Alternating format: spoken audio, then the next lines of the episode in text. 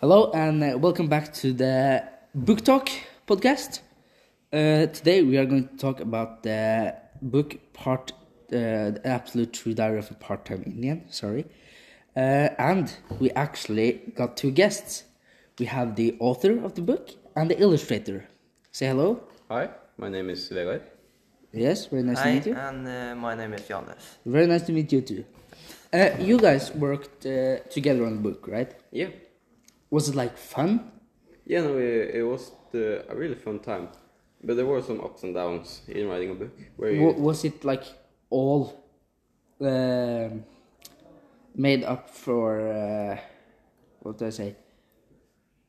Was it like fun doing the book? If you know, what I mean? was it comical? Did you guys take it like extremely serious? um, It was litt sånn both uh, some sometimes it uh, was more serious and Yeah, it went up and sometimes it down. was more funny. Okay, there were some hard times where you got stuck and didn't really think of anything, but then we, I said some keywords and he painted some pictures and uh, Hmm. we were from there. okay, that sounds actually like uh, a really good plan, if you ask me. Yeah. Uh, I have another question. Uh, like, um, uh, wh- what was the question? Uh, sorry. Yeah. Uh, what was your guys' favorite chapter?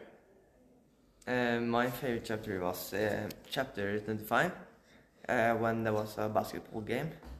Uh, Junior, he uh, played against his old buddies, Yeah. and he um, they won the game, and he has, he was so happy, and uh, he has never jumped higher than Rowdy before, and uh, he did it there.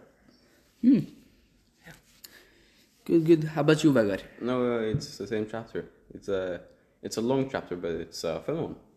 Okay. It's many fun um, moments in it and some sad, if you can call it Yes, that. yeah.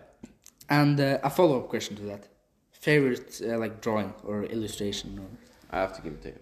Uh, my favorite uh, drawing it was in uh, chapter 17 middle of that um, that was i like that uh, because it shows my style of drawing um, and it's uh, complicated by text and sign um, and it shows a bit of how i think uh, and how a person is but uh, it leaves a lot to the imagination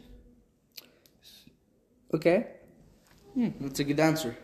Uh, I, was- I, I- I like that chapter. It was a good chapter. yes as well as 25 one of my favorites uh, as Yeah. well it was very long but uh, I, I have to give some critic on the book though if that's okay Yeah, no, just I I like it. I, it makes me a better writer. yeah, yeah that's good Um uh, it was very different length of the chapters all the Yeah. time so you can't you don't know how long it's going to take for a chapter so you can't like sit down for five minutes and read a chapter You know, uh, yeah, it's uh, a bit of a var- variation of each chapter because some like the, the uh, bas- uh, basketball match. It was a long chapter.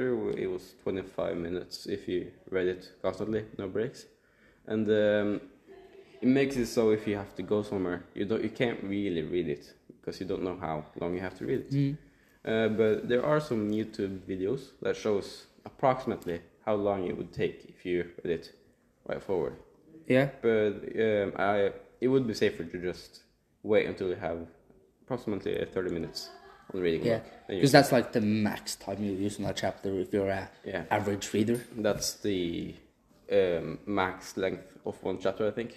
Okay, I, I must say I am gonna flex a bit here, but I used 17 minutes on reading that chapter Seventh on on 25. 25. Yeah, How is that possible? it was I like, I read 170 words per minute. Correct. damn.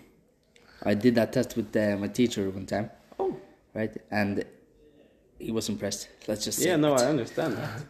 that's not a lot. That's not. But uh, back to the book. Back to the book. Yeah. yes Uh, what, what was like the uh, thoughts about the book, like behind the scenes Oh, what, uh, what we thought about, the, or what made us to the book? Yeah. Yeah. basically. Uh, for me, the uh, author, I think it was more about making something that people will read. Because I, I recently read up on some Indian history, Yeah. and I felt that oh, they doesn't look, uh, sound like a good place to be for those who originally was in America for us. So uh, yeah, no, it's. I felt like I had to make a book that shows how hard it is, uh, while also being a little bit funny, not being so sad, trying to lift up. That was my main concern with the book. Yeah. And did you have any thoughts about book? No, I think the book um, were really good after you are done with it, and um, eh, people could have seen uh, it could be real. Yeah. Um, Because you um, you read the book afterwards. I read the book afterwards, yeah. Yeah. and I think it was really good. Uh, the pictures I draw in it, it uh, I was liksom said uh, Vegard said uh, draw that, and I draw it with my imagination. no? Yeah, yeah. Because everyone has their own type of uh, like drawing style and uh, writing style, right? Yeah. Yeah. What's your writing style? Vegard? Um, yeah, now in this book, there's a lot of sad parts, and uh, that's gen- that's generally with being an Indian. I'm not one though, as you of course know. Uh, the thing about my writing style is that I try to hide it, the or mask the sadness with a funny writing style and the comedy. Uh, so I don't want the readers to feel sad every time they read a book. So I try to hide it with um, being funny and having comedy while the sad part is happening. Okay. Yeah, uh, I think uh, the I think it uh, was really sad sometimes, and uh, we uh, dr- I draw things uh, I uh, seen it like that. Yeah, you draw from your imagination. Yeah. Yeah. yeah. And how would you like, like i- you would like just say a couple keywords and he would just like draw, right? Yeah, so I tried to come up. If we were hard stuck on a chapter or we didn't know what to continue with, uh, I thought of something that might come up in his story, and I just said uh, maybe basketball or uh, disco or something, keywords of a topic, and he will just draw something, and we work from there. That's really, it's really a good way to work. If you Yeah. ask me. Just the two of you made the book, right? Yeah, no, he was it was rather, and we had a different uh, publisher. Yeah, Yeah, okay, that- yeah, of course. Uh, I also have another question for you. Yes, What what defines your drawing style? uh, it is a little of um, what he says to me,